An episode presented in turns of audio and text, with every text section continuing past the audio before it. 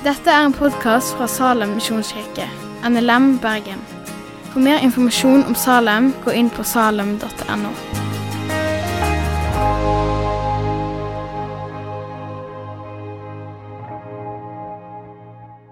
I høst kommer vi til å ha et tema som heter 'Følg meg'. Det er en taleserie eh, om å følge Jesus sin livsstil. Det er en taleserie om åndelig disiplin. Det er et litt tricky ord for mange i 2020. Om åndelig formasjon, altså hvordan blir vi mer lik Jesus? Det handler om helliggjørelse, kaller teologene det. Men det handler om å bli mer lik Jesus. Hvordan kan vi forvandle våre liv til å bli mer lik Jesus? Vårt hjerte, ånd, vår vilje. Hvordan kan man ville det Jesus vil? Hvordan kan våre tanker og følelser tenke og føle at det er riktig å følge? Og Hvordan kan kroppen vår bli styrt av nettopp den viljen og de tankene? Og Hvordan påvirker det vår sosiale kontekst, vår menighet, og hvordan påvirker det de vi går til? Det er temaet for høsten. Følg meg. Følg meg. Det handler om å være Jesu disippel. Og vi skal gå i det praktiske. Hvordan lærte Jesus sine disipler å leve med en rytme som passer Guds rike? Hvis du hadde hørt om Jesus fra Nasaret det har du kanskje Siden du er her i Salem, så har du kanskje hørt om Jesus fra Nasaret. I Bibelen så blir han framstilt som Guds sønn. Eh, Messias, den venta kongen, Kristus, den salva. Men hvis du hadde levd på Jesus i tid, og du hadde hørt om Jesus fra Nasaret, som gikk rundt og forsynte rundt omkring i Israel, så hadde du lært han å kjenne som en rabbiner, som en rabbi, en lærer. For det var det han var. Han reiste fra by til by med sitt åk, altså sin, sin lære om, om livet, sin, sin, livsrytme, og for å lære den. Sin måte å lese Toran, jødene sine fem Mosebøker, på. Og han ble kalt for rabbi. Det betyr lærer. Og det har noe å si for hvordan vi følger Jesus. At han var en, en rabbiner, en lærer. Vi skal lese noen tekster. Markus 1, 16-20. Hvis du har Bibelen med deg, så følg deg gjerne fri til å ta den opp av sekken eller lomma, til å ta fram en kulepenn og kanskje notere noen ting. Eller bruker du telefon, YouVersion eller andre bibelapper, så bruk det gjerne. Eh, men vi leser fra Markus 1, 16-20. En gang han, altså Jesus gikk langs Galileasjøen, fikk han se Simon og Andreas spor til Simon. De holdt på å kaste not i sjøen, for de var fiskere. Jesus sa til dem, 'Kom og følg meg, så vil jeg gjøre dere til menneskefiskere.' Straks lot de garnet ligge og fulgte ham. Da han kom litt lenger fram, fikk han se Jakob, sønn av Sebedeus, og hans bror Johannes. De satt i båten og bøtte garn. Da kalte han dem, og de lot faren Sebedeus bli igjen i båten sammen med leiefolkene og fulgte han. Neste side, Markus 2, vers 13. Igjen gikk Jesus ut langs sjøen. Mye folk kom til han, og han underviste dem. Da han gikk videre, fikk han se Levi, sønn av Alfeus, sitte på tollboden. Jesus sa til ham, 'Følg meg', og han reiste seg og fulgte ham. Random. Bla noen eh, et ark til, kanskje. Markus 3, 13-19. Så gikk Jesus opp i fjellet. Han kalte til seg dem han ville, og de kom til ham. Han utpekte tolv, som han også kalte apostler, for at de skulle være sammen med ham. Og for at han kunne sende dem ut for å forkynne. Og ha makt til å drive ut de onde åndene. Han utpekte de tolv. Det var Simon, som han ga navnet Peter, Jakob, og Sebedeus, han bror Johannes, som de kalte Boanerge, som betyr tonsånne, Andreas og Philip, Bartolomeus, Thomas, Mattheus, Tadeus, Simon Cananeus, og Det er alle topp 10-20 guttenavn i 2020. Eh, tro på meg i dag, I dag, så sier vi kanskje 'tro på Jesus og kom til himmelen når du dør'. Og Kanskje ser ikke-kristne folk tenker at Jesus gikk rundt og sa det til folk. 'Tro på meg, så kommer du til himmelen'. God deal. Men Jesus gikk rundt og sa 'følg meg'. Og Det han sa, det var 'vær disippel'. Vær min disippel. Eh, det er et ord han sa talmudim på, på hebraisk, eller, eller det, det, ordet som brukes i, i oversettelsen talmudim. Det, det, kan bety eh, ja, disippel, det kan bety etterfølger, student. Men det som egentlig beste, den beste oversettelsen, syns jeg, eh, det er lærling. Fordi hvis du, var, hvis du fulgte etter en rabbiner, så var du en lærling. Det var vanlig utdanningssystem på den tida. Det var en kjent rabbi som het rabbi Hillel, det var en kjent som het rabbi Akiva. De hadde disipler. Plato var disippelen til Sokrates. Det egentlig strekker seg langt tilbake. dette her. Men dette var eliteklassen i utdannelsessystemet. De aller beste av de beste ble talmudim. De fikk følge en rabbiner. De som hadde vist at de kunne pugge de fem Mosebøkene utenat. Altså, tenk deg. Du, datter, du prøvde i januar å lese Bibelen på sant? Du datt av når du kom i februar til tredje Mosebok. De beste de kunne dette utenat. Og det var kanskje første og andre året på, eller andre på en måte, eh, trinnet på skolen. Men de som var rabbinere, de satte seg ned og intervjua folk og fant ut hvor mye er det de kan om teologi. Hvor mye kan de om Tanak? Kan de dette utenat? så skal de få følge meg.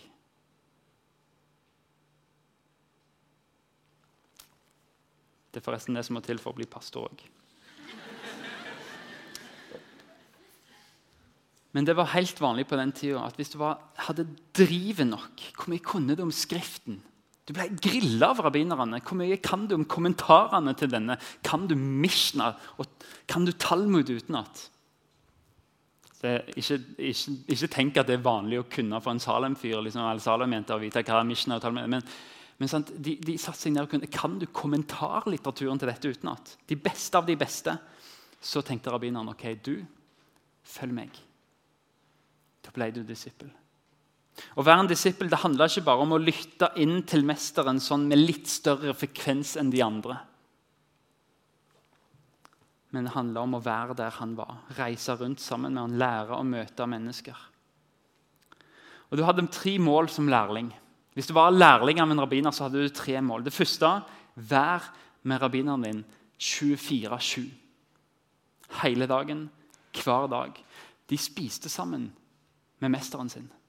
De sov på sida av mesteren sin. De vandra etter han hver dag for å se hvordan snakker han med folk. Hva er det han lærer? Hvordan lever han? Hvordan er bønnelivet hans? Hvordan bruker han Bibelen? Og så er det en velsignelse, en jødisk velsignelse fra den tida som heter Måtte du bli dekka i støvet av rabbineren din. Og Det var den største velsignelsen, for da fikk du gå i ørkenen etter rabbineren og bare høre han prate og øse ut av sin livsvisdom. Det var å være en disippel. Det var målet. Når han sa 'følg meg', så mente han ikke bokstav, eh, så mente det ikke en sånn overført betydning. Han mente bokstavelig 'følg meg'. Gå etter meg, se hva jeg gjør, lær av meg, hør det jeg sier, se det jeg møter. Se når jeg ber, se når jeg leser, se hvordan jeg hviler. Det skal vi gjøre i høst.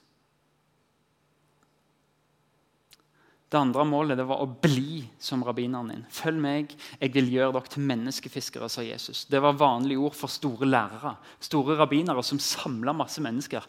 De ble kalt for menneskefiskere. Fordi de, de fiska menneskene til seg på den måten. Og det Jesus sier, at eh, jeg vil gjøre deg som meg. Folk skal komme for å høre ditt budskap. Du skal dele det med andre. Målet var ikke å bli deg sjøl Sånn som i 2020. Bare finn deg sjøl, uttrykk deg sjøl. Nei, faktisk så sier Jesus at en disippel skal bli som mesteren sin. Du skal ikke Det er fint å ha en personlighet og følge etter den. Det er ikke det jeg sier, men, men Jesus sier ikke 'følg hjertet ditt'. For det, det kan lede oss veldig mange plasser vi ikke bør være. Men bli som meg. Det er målet for en disippel. Bli som rabbineren. Og du så karbonkopier av, av disse. Når rabbineren gikk, så så du disiplene som gikk sånn som han gikk, og kledde seg sånn som han kledde. Og du så på dem det disippelen til han. Vær med rabbien din. Bli som rabbien din, og gjør det som han gjorde. Jesus sendte ut disiplene for å lære dem det han hadde lært dem, for å drive ut demoner, sånn som han hadde gjort. Og så sier han flere ganger nå er det deres tur. Gå ut og gjør det som jeg har gjort.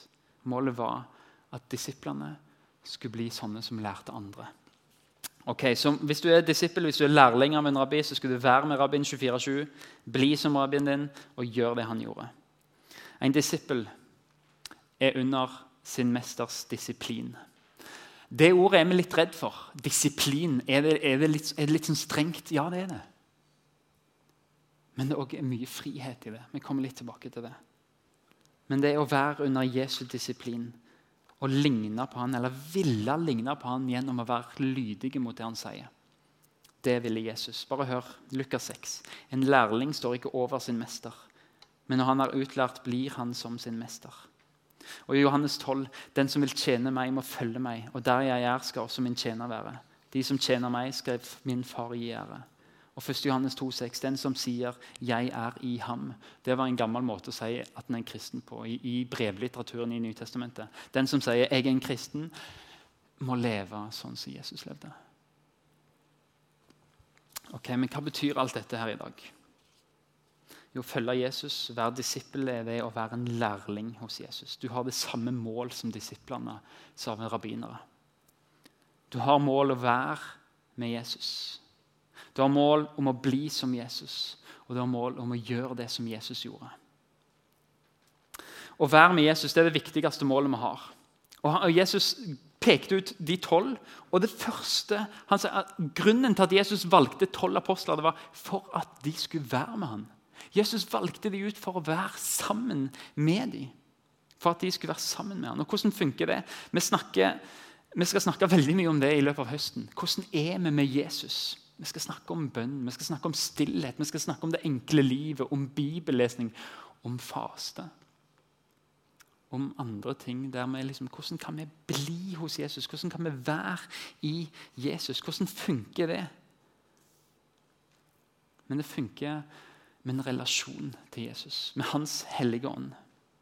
Der han snakker til oss i Bibelen, og der vi i stillhet får grunner på det og få tenke på det og glede oss i det. Og ta de sannhetene fra Bibelen inn i vårt hjerte.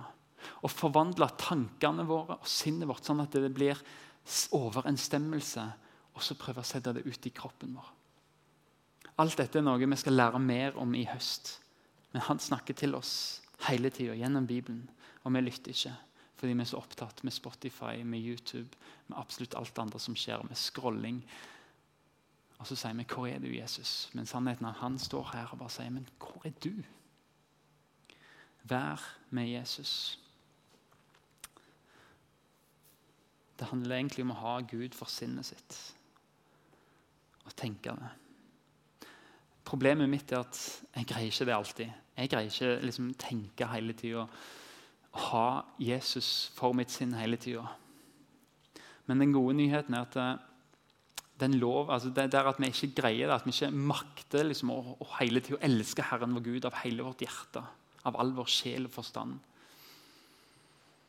Gravitasjon kan du ikke endre. Ting som går opp, detter ned. Men akkurat noe av det i oss kan vi forandre. Det at vi sliter med å sette av tid at vi sliter med å ha Jesus for vårt hjerte for vårt sinn hele tida. Vi kan forandre det, men det krever øvelse. Det krever, og Vi skal jobbe sammen som menighet lørdag, søndag. Vi skal snakke om åndelige disipliner. Vi skal prøve å gi dere måter til å utøve stillhet, bønn, faste, bibellesning. Det å bli i Han. En åndelig øvelse. Og vi skal se lenge, og vi skal se mye, og vi skal se ofte på Jesus. Og så skal det forandre måten vi tenker på. Og så tenker vi ja, ja. Hva vil det gi meg, da? Hva vil dette livet gi meg? Hvis jeg greier liksom å fokusere mer av livet mitt rundt Jesus og, og være mye mer sammen med han. Det er én ting jeg har lært som kristen de siste åra. Det aller beste i livet med Jesus, det er Jesus sjøl. Han vil gi oss masse velsignelser. Det står noe i Romerbrevet 8 om Gud som har sjenerøst gitt oss. Er Gud for oss, hvem er det mot oss? Han som ikke sparte sin egen sønn, men ga han for oss alle. Jesus gitt til deg, det er en gave fra Gud. Det er evig liv. Det er liv i overflod. Fordi når du får Han, så står det Kan Han gjøre noe annet enn å gi oss alt sammen med Han? Poenget til han som skriver dette, Paulus, er at Gud har gitt oss Jesus, som døde på korset for oss. Tilgivelse, nåde, evig liv, fred med Gud. Poenget til Paulus er at hvis Gud har gitt oss det, sin eneste sønn, det aller, aller beste Gud hadde, så vil Gud ikke holde noen ting tilbake. Han vil gi deg alt sammen. Han har bevist om å gi deg den beste gaven i hele universets historie. Bare som en sånn bevis på at alle de andre velsignelsene de følger etter. Fordi Jesus er den som skaper fred, glede, kjærlighet, ydmykhet, overbærenhet.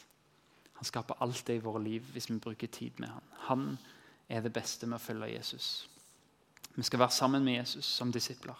Vi skal bli som Jesus. Det handler om helliggjørelse, åndelig formasjon. La meg få si helt tydelig helt klinkende klart. Det er en prosess. Det tar lang, lang, lang tid. Så lang tid at ingen er ferdig med den prosessen i dette livet. Det å bli som Jesus. Det tar lang tid å vandre et helt liv sammen med Jesus. Men la meg få si noen ting. Kanskje er du her, kanskje er du ikke kristen, kanskje er du litt sånn på hell, kanskje vet du ikke helt hva du er for noe. Du blir forma. Alle mennesker i hele verden er forma. Du er forma av noen, av noe. Og hva er det som former deg? Om 30 år, hvis du ser hva retning er du på vei i livet ditt nå? Hva er det som påvirker deg? Hva valg er det du gjør? Og Prøv å tenke ut 30-40 år fra nå av. Hva retning tar det? Er det en person du vil være?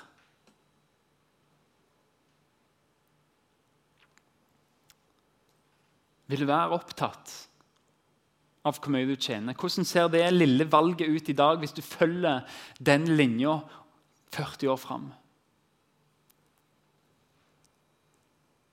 Vil du være en som er stolt av deg sjøl, og som heller trykker andre ned for å skinne litt bedre i vennegjengen? De små valgene der som gjør at du skinner litt bedre i dag, om 30-40 år, hvor mange må du tråkke ned for å være der du vil være da? Du formes av noe. Du formes av deg sjøl, dine tanker, men òg ting som påvirker oss. Media, venner. I det hele tatt hele samfunnet. Det som forandrer deg i dag, det som forandrer tankesettet ditt, gjør det at du er mer lik Jesus om 30 år gjør det at du kan se deg sjøl i speilet som 60-åring, 50-åring.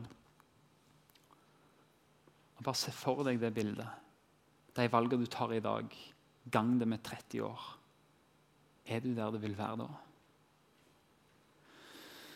Alle er forma av noe de følger, noe de setter hjertet etter. En prosess som skjer med absolutt alle. Vi blir forma. Sjelen formes av de du bruker tid med, av det du bruker tid på. De mest avskyelige menneskene og de du ser aller, aller mest opp til, de er forma av noe som de følger. Alle mennesker formes. Terrorister og helgener er resultat av en åndelig formasjon, enten negativ eller positiv. Ånden og hjertet ditt blir forma. Du påvirkes. Punktum. Jeg lengter etter å bli mer lik Jesus. Jeg lengter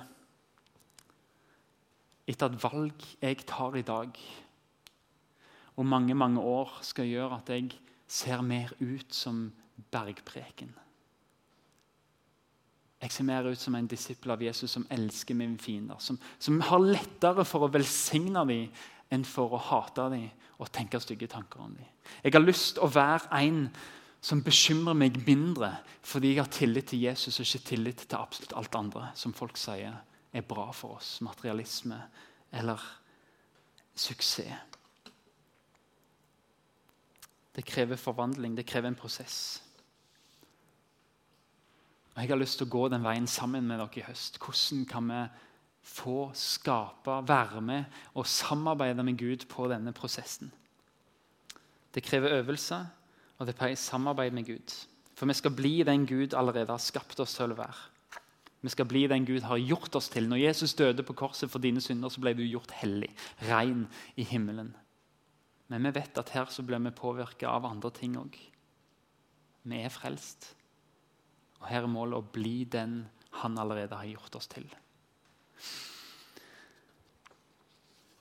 Det er Guds vilje at vi skal bli mer lik Jesus. Det planer han for evighet av. Han skriver i Romerbrev 8 litt lenger ut i kapittelet. De som han på forhånd har vedkjent seg, har han også på forhånd bestemt til å bli forma etter sin sønns bilde. Vi skal lære å bli med Jesus i høst. Vi skal lære hvordan vi kan bli lik Jesus i høst. Og det siste vi skal gjøre det Jesus gjorde. Han var en rabbiner, ja, men han var også Messias. Han var Guds sønn. Han kom med Guds rike i handlinger og ord. Med Guds rike. Det handler ikke bare om å vite hva som står i Bibelen hvis du er disippel, men det handler om å bli med på det Jesus gjør. Han forkynte evangeliet, han lærte veien å gå for ham. Han helbreda syke, drev ut onde ånder. Spiste måltid med mennesker som var langt borte fra Gud. Han sørga for rettferdighet. Han skapte fred. Han ba, han profeterte. Han sto opp mot korrupsjon. En rørleggerlærling har et mål om å legge rør i et hus like bra som mesteren sin når han er ferdig som lærling. Å bli rørlegger sjøl. En lærling av Jesus har et mål om å komme med Guds rike til mennesker i Bergen så som i himmelen. Å komme med Guds rike og komme med fred. Vi skal altså se på hvordan vi gjør vi dette i høst. Dette er en sånn introtale. Og Jeg håper at du blir, tenker dette har jeg lyst til å være med på. Problemet er at dette funker ikke som en hobby. Det å være Jesu disippel det er ikke sånn at ja, Hei, jeg heter Kristian. Jeg eh, driver med Jesus og makramé. Jeg har ikke peiling hva makramé er, men jeg har hørt den. han. men det å være disippel, det å følge Jesus, det at Jesus er fokuspunktet i livet. Det å lære livsrytmen til Jesus. Hvordan går han? Hvem snakker han med? Hvordan snakker han med folk? Hvordan hviler han? Hvordan ber han? Hvordan bruker han Bibelen? Det skal vi se på.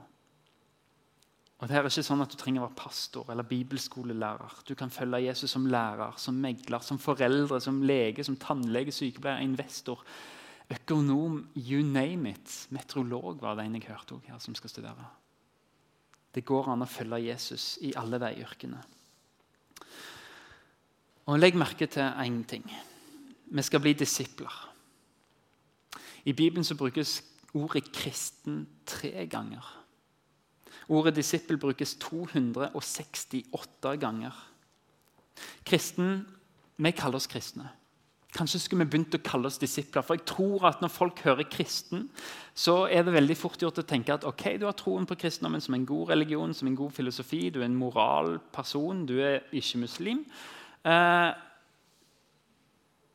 egentlig så er det mer sånn at ja, du har en Jesus som følger deg som du inviterer inn i noen valg som du tar. Han blir med på det du er, og velsigner det. Og der er ei fin jente, Jesus. Kan du bare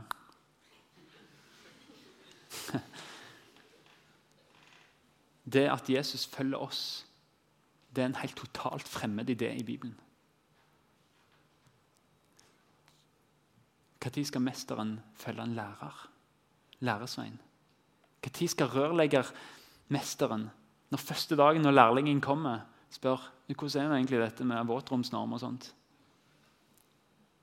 Det er totalt uhørt i Bibelen at en mester følger læresveinen.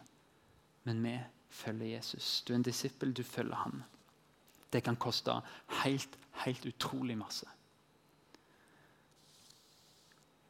Men de ble, de ble kalt kristne. Og Det betydde egentlig å ha fikk navnet kristen. Det betyr også å ha, ha som hovedanliggende Kristus. De var kristne fordi deres hovedanliggende i livet var å leve nær Jesus og leve som han. Folk så Jesus i disiplene, og derfor kalte de for Kristein småkristuser. Kristus i. For de hadde blitt så lik Jesus at de begynte å kalle dem for kristne. Navnet Kristus. Så vi som disipler, målet vårt er å bli lik Jesus. Vi har skilt ofte mellom å lære Jesu ord. Høres ikke det ganske kristent ut? Å lære Jesu ord. Jesus bruker ikke det ordet alene. Han sier 'lære og holde'. Disipler var de som lærte og holdt. Gud elsker oss sånn som vi er. Men han elsker oss for høyt til å la oss forbli sånn som vi er. Derfor gir han oss nåden. Han gir oss Den hellige ånd, som oppdrar oss til å bli mer lik han. Den hellige ånd, et nytt liv, en ny vilje, en ny evne til å leve et annerledes liv. Det er nåden som Gud gir oss. Og det livet er overflod. Rennende vann, frukt. Vi er skapt til dette livet. Og det er et liv som gjør at når du kommer dit, så kjenner du dette er jeg skapt for. Dette er hjemme. Men det skjer ikke av seg sjøl. Det er ikke sånn at du våkner opp i morgen er moder Teresa den andre. Men i bergpreken så forteller Jesus om dette livet, og det er så overhodet messig. Når, Jesus forteller om kristenlivet, forteller om disippellivet, så er det så rotete. For i bergpreken, hvis du leser mellom linjene, så kommer Jesus og sier jeg antar at du kommer til å synde. Jeg antar at du kommer til å synde mot deg sjøl, mot meg, mot andre. Jeg antar at du kommer til å krangle, at du kommer til å ha en fiende, at du kommer til å ha begjær, at du har havesyke. Jeg antar at du bor i verden. Men likevel så har han en høy standard. Ikke bekymre deg, for jeg er Herren din. Ikke ha to herrer, har bare meg, ikke penger òg. Og Han begynner den talen og avslutter den talen med handling. At du må gjøre sånn som hans ord er. Både i starten og alt rot igjennom og i slutten så handler det om å, å gjøre etter ordet. Akkurat som om man sier at dette kristenlivet det handler om handling. Det var en kjent måte i den tida i litteraturen å ha på en måte noe som heter inclusio, eller ramme. At du hadde noe først og det samme på slutten. og det vil si at Alt i midten her handler om nettopp disse to tingene. Så Jesus sier at i, i Matteus 5,19 den som opphever ett eneste av disse minste budene og lærer mennesker å gjøre dette, skal regnes som den minste i himmelriket. Men den som holder dem og lærer andre å gjøre det samme, skal regnes som stor i himmelriket. Handle etter mine ord. Og på slutten, vær den som hører disse mine ord og gjør det de sier, ligner en klok mann som bygde huset sitt på fjell. Regnet styrtet, elvene flommet, og vindene blåste og slo mot huset. Men det falt ikke, fordi det var bygd på fjell. Og vær den som hører disse mine ord og ikke gjør det de sier, ligner en uforstandig mann som bygde huset sitt på sand. Regnet styrtet, elvene flommet, og vindene blåste og slo mot huset. Det falt, og fallet var stort. Ramme. Kristenlivet handler om å handle på ordet. Og det er en prosess som ikke blir ferdig. Det betyr at det ikke er en hobby, men en livsstil. Det går som en rød tråd gjennom hele Bibelen hele evangelien, at Jesus forventer at disiplene skal praktisere det han lærer oss. Bare hør nå. Nå skal jeg lese en del bibelvers. Se om du finner sammenhengen. For den som gjør min himmelske fars vilje, er min bror og søster og mor. Jeg har gitt dere et forbilde. Slik jeg har gjort mot dere, skal også dere gjøre. Sannelig, sannelig, jeg sier dere, tjeneren er ikke større enn Herren sin, og utsendingen er ikke større enn den som har sendt han. Nå vet dere dette, og salige er dere så sant dere også gjør det. Litt senere. Sannelig, sannelig, jeg sier dere, den som tror på meg, skal også gjøre de gjerningene jeg gjør. Ja, enda større gjerninger, for jeg går til far. Og enda senere igjen sa Jesus til deg, fred være med dere. Som far har sendt meg, sender jeg dere. På samme måte. Han gjorde sendt i handling, vi sendt i handling. Gå derfor og gjør alle folkeslag til disipler. Døp dem til Faderens og Sønnens og Den hellige ånds navn, og lær dem å holde alt det jeg har befalt dere, og se jeg med dere alle dager inn til verdens ende. Men bær da frukt som far svarer til omvendelsen. Dere må gjøre det ordet sier, ikke bare høre det, ellers vil dere bedra dere selv. Han som kalte dere hellig, slik skal også dere være hellige i all deres ferd. Mine barn, la oss elske, ikke med tomme ord, men i gjerning og sannhet. En disippel er en som følger Jesus og gjør hans vilje. Kan det være disippel å bare høre og tenke at så bra? Nå kan jeg gå og gjøre mine ting. det er ukjent for Bibelen. Så kan du si ja, det var juks for disiplene. De hadde Jesus, de gikk med Jesus. Men Jesus sa det er bra for dere at jeg reiser, for jeg skal sende Den hellige ånd. Mine kjære, står det i Filipperbrevet 2, 12-13. Dere har jo alltid vært lydige mens jeg var hos dere, så vær det enda mer når jeg er borte. Arbeid. Arbeid på deres egen frelse. Med respekt og ærefrykt. Vi skal arbeide. Hva da for? Fordi det er Gud som er virksom i dere, så dere vil og gjør det som heter Guds gode vilje. Det er viktig for meg å si vi skal ikke arbeide for å komme til himmelen. Vi er frelst. En kristen som tror på Jesus, er frelst. Men vi skal arbeide for å virkeliggjøre at den frelsen setter seg fast i hjertet.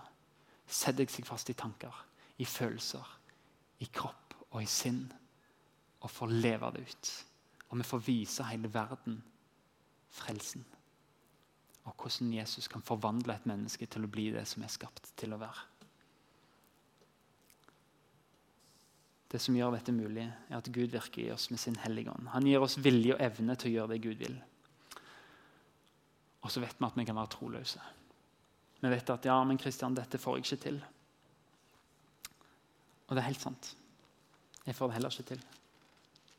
Jeg har et vers i Bibelen der jeg har skrevet ved siden av 'typisk Jesus'. Med store bokstaver står det 'typisk Jesus'. For hør det, Paulus var rabbiner for en som heter Timoteus. Og Paulus skrev et brev til Timoteus. Timoteus skriver han hvis vi er troløse, så går det til hundene. Han skrev ikke det. Han skrev hvis vi er troløse, Timoteus, så er han trofast. For han kan ikke fornekte seg sjøl. Jesus er trofast av natur. Rake motsetning av meg, men han kan ikke fornekte. Han er trofast. Så tror jeg at noen her inne tenker sånn som jeg tenker. For Dette er en vandring som jeg har vært på, dette med åndelig disiplin. Og jeg har prøvd å gjøre plass til stillhet og bønn og Bibel i mitt liv og sett hva det har gjort med meg, og hvordan det har satt meg fri fra veldig mange negative tankemønster i det hele tatt. Men starten Og Jeg tror mange av dere sitter her og tenker at jeg greier det ikke, men jeg har lyst. Og starten på den reisen, det som Gud skaper i deg i starten, før vi begynner å samarbeide, det er at du vil ville dette. Du har lyst til å ville. Du har lyst til å følge han. Du har lyst til å bli som han. Det er Den hellige ånd i deg som drar deg, som sier 'bli med på denne reisen'. Og Jeg sier ikke her nå bare står her og sier 'OK, prøv hardt'. Det funker ikke. Mange av dere vet det. ok, Jeg skal ta meg sammen, dette kristenlivet skal bli knallbra. Nå skal jeg skjerpe meg, og du prøver knallhardt å falle. Men kristenlivet, denne vandringen, denne forandringen, forvandlingen, å bli mer lik Jesus, det handler ikke om å prøve, det handler om å trene. Er det noen som har sprunget maraton noen gang? Opp med ei hånd. Yes, der nede. Én som har sprunget maraton. Sånn, hvor er alle de spreke? De er redde for korona. Ok, Én som har sprunget maraton. Kjempebra. Gratulerer. Var det sånn at du bare sto opp og sprang 42 km? Eller eh, forberedte du noe? Ok, ja. Men eh, hvis du har tatt meg, da, så har jeg stått opp en dag skulle sprunget maraton. Jeg har sprunget 5 km, 6, gått litt senere, 7, 8. Da hadde jeg dødd. Men det handler Altså, Hvordan springer en maraton? Du begynner i det små. Ikke engang hvis jeg hadde hatt Hva heter du? Halvard. Ja, det er jo det er Halvard, ja. Så ikke Ikke engang hvis jeg hadde hatt Halvard ved siden av meg, så hadde han sagt liksom, Kom an, du springer så bra, kjempebra. Kom an, stå på, stå på. 7 km, jeg hadde dødd. Selv hvor motiverende. Du kunne vært så motiverende du bare ville. Halvard. Men hadde jeg våkna, stått opp, sprunget én km, neste dag sprunget to, neste dag tatt en pausedag, neste dag sprunget tre, og så 3,5 Over en lang tidsperiode gjennom trening så kunne jeg blitt en person som har egenskapen til å fullføre en maraton selv om det er blytungt. Men gjennom lang trening. Og Det er samme med det åndelige livet. Det krever trening. Likevel så er det en gave av nåde å vokse. Det er bortenfor vår evne å skape lungene som løper maraton. Og det er bortenfor, bortenfor vår evne å skape livet som skal vokse i oss. Det er nåden, det er Jesus som gir deg frelsen, som gir deg sin hellige ånd. Men vi må handle likevel, for nåden kommer også med ressurser som vi kan vokse i og trene med. Nåden kommer med Den hellige ånd, som vil utruste oss. Nåden kommer med andre mennesker inn i livet vårt som kan veilede oss. Nåden kommer med hendelser fra Gud som inspirerer oss. Kommer med et fellesskap som er sammen om den samme veien. Den kommer med skatter gjennom kirkehistorien og biografier. Og den kommer gjennom åndelige disipliner som har lært opp igjennom, som sier at dette fungerer for å tenke mer på Jesus.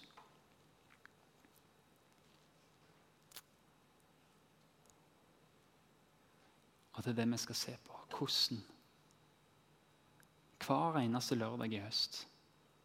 Hva er en nøkkel til å ta ett skritt nærmere Jesus, til å bli mer som han?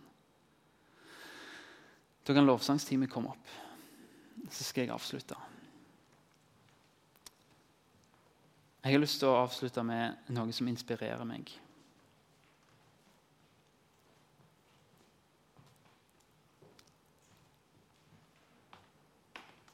Forvandlingen som skal skje i oss som kristne,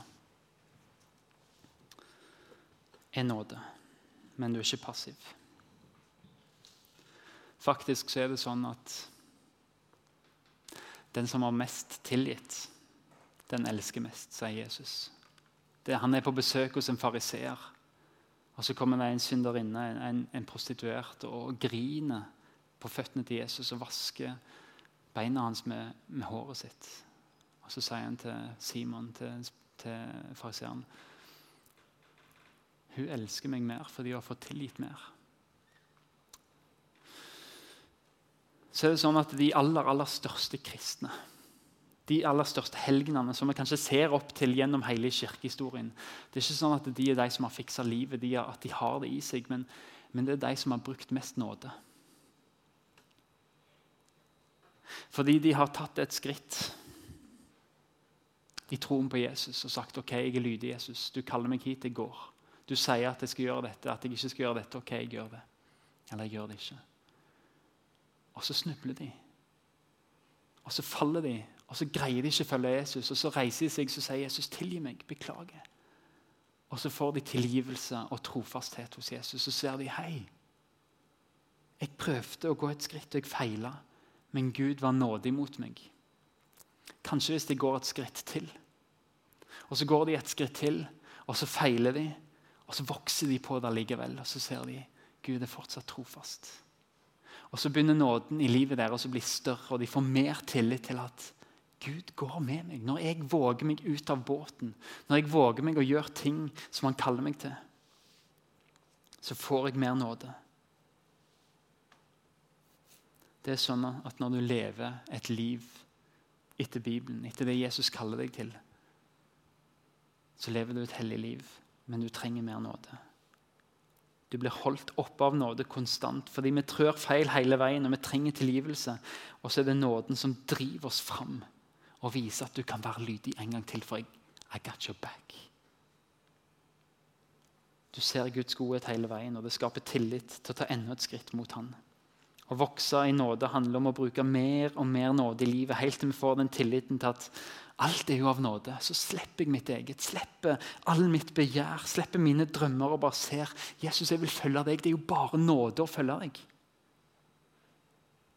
Og så er vi på den veien som er god for oss å være på.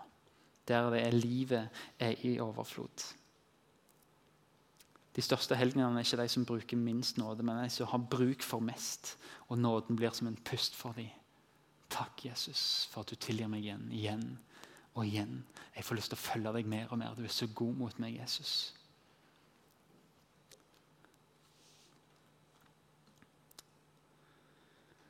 Nåden er dyr, skriver Dietrich Bonhoeffer. Han var en tysk prest som fulgte Jesus, og som så at jeg måtte opp mot ondskapen og var med på et attentatforsøk mot Hitler. For han så at jeg har fått nåde, men jeg må være med å sette en stopper for den ondskapen i verden. Og så ble han skutt noen dager før krigen ble slutt, som straff fra tyskerne. Men han skrev nåden er dyr, for den kaller deg til etterfølgelse. Tenk deg, Nåden er dyr. Vi har hørt at det er gratis å bli en kristen, ja, men det er dyrt å følge Jesus. Så sier han nåden er dyr, for den kaller oss til etterfølgelse. Og så skriver han men det er nåde. Fordi den kaller deg til å følge etter Jesus Kristus. Det er ikke hvem som helst vi følger. Det er en som hele tida gir deg nåde, som tilgir, som reiser deg opp, som gir deg mening med livet, som elsker deg ubetinga og nok til å forandre deg til å bli noe bedre til det du er skapt til å være. Nåden er dyr, for det koster å følge etter. Nåden er nåde fordi du følger Jesus Kristus, som elsker deg, og som aldri vil være troløs, som alltid er trofast. Vil du være med i høst og se hvordan det ser ut i 2020 i våre liv i Bergen?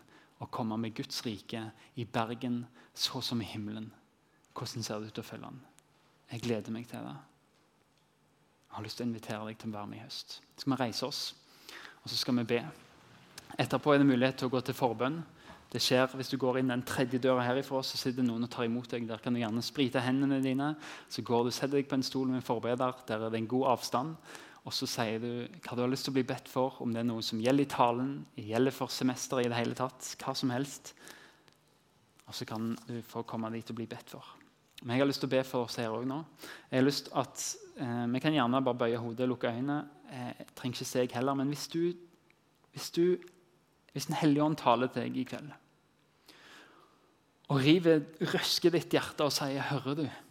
Hører du hva jeg vil gjøre med deg? Hører du at jeg vil at du skal bli den du er skapt til å være, med å bli mer lik Jesus? Jeg vil gi deg liv og liv i overflod. Og hver gang du faller, så vil jeg overøse deg med min nåde. Og jeg vil lære deg hvordan du går i nåde for å bli mer lik Jesus. Hvis du kjenner at i kveld er det min tur, så gjør forsiktig. Legg hånda på brystet eller fold hendene. eller hva som helst. Gjør en ytre handling som, som, bare som et symbol på hva som Gud gjør i livet ditt. Og så ber vi. Og så kan det være en sånn startpunkt på at i høst vil jeg leve for deg, Jesus.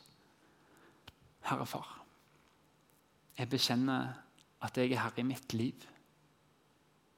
Jeg bekjenner at jeg er egoistisk, materialistisk. At jeg har lyst til å leve for mine drømmer, mine begjær. Men i dag så taler du til meg og sier at jeg har noe bedre, jeg har noe større. Og Jesus, hør meg nå. Jeg bekjenner. Jeg vil følge deg. Jesus, jeg vil følge deg, jeg vil være lydig. Jeg har så lyst til å være trofast mot deg, Jesus. Og så takker jeg deg og priser deg, Herre Far for at når jeg er troløs, er du trofast. For du kan ikke fornekte deg sjøl. Du er kjærlighet, du er trofasthet, og du er nåde. Og Jeg ber Hellige Ånd ta bolig i mitt hjerte. Ta bolig i min vilje, ta bolig i mitt sinn og mine tanker. Sånn at mine følelser kan føle det som er sant, og det som er godt, og det som er hellig. Og at mine lemmer og min kropp kan følge den veien. La meg få elske deg, Herre Far, med hele mitt hjerte med halv min sjel og med all min forstand. Takk for at du har hørt på podkasten fra Salem, Bergen. I Salem vil vi vinne, bevare, utruste og sende, til Guds ære.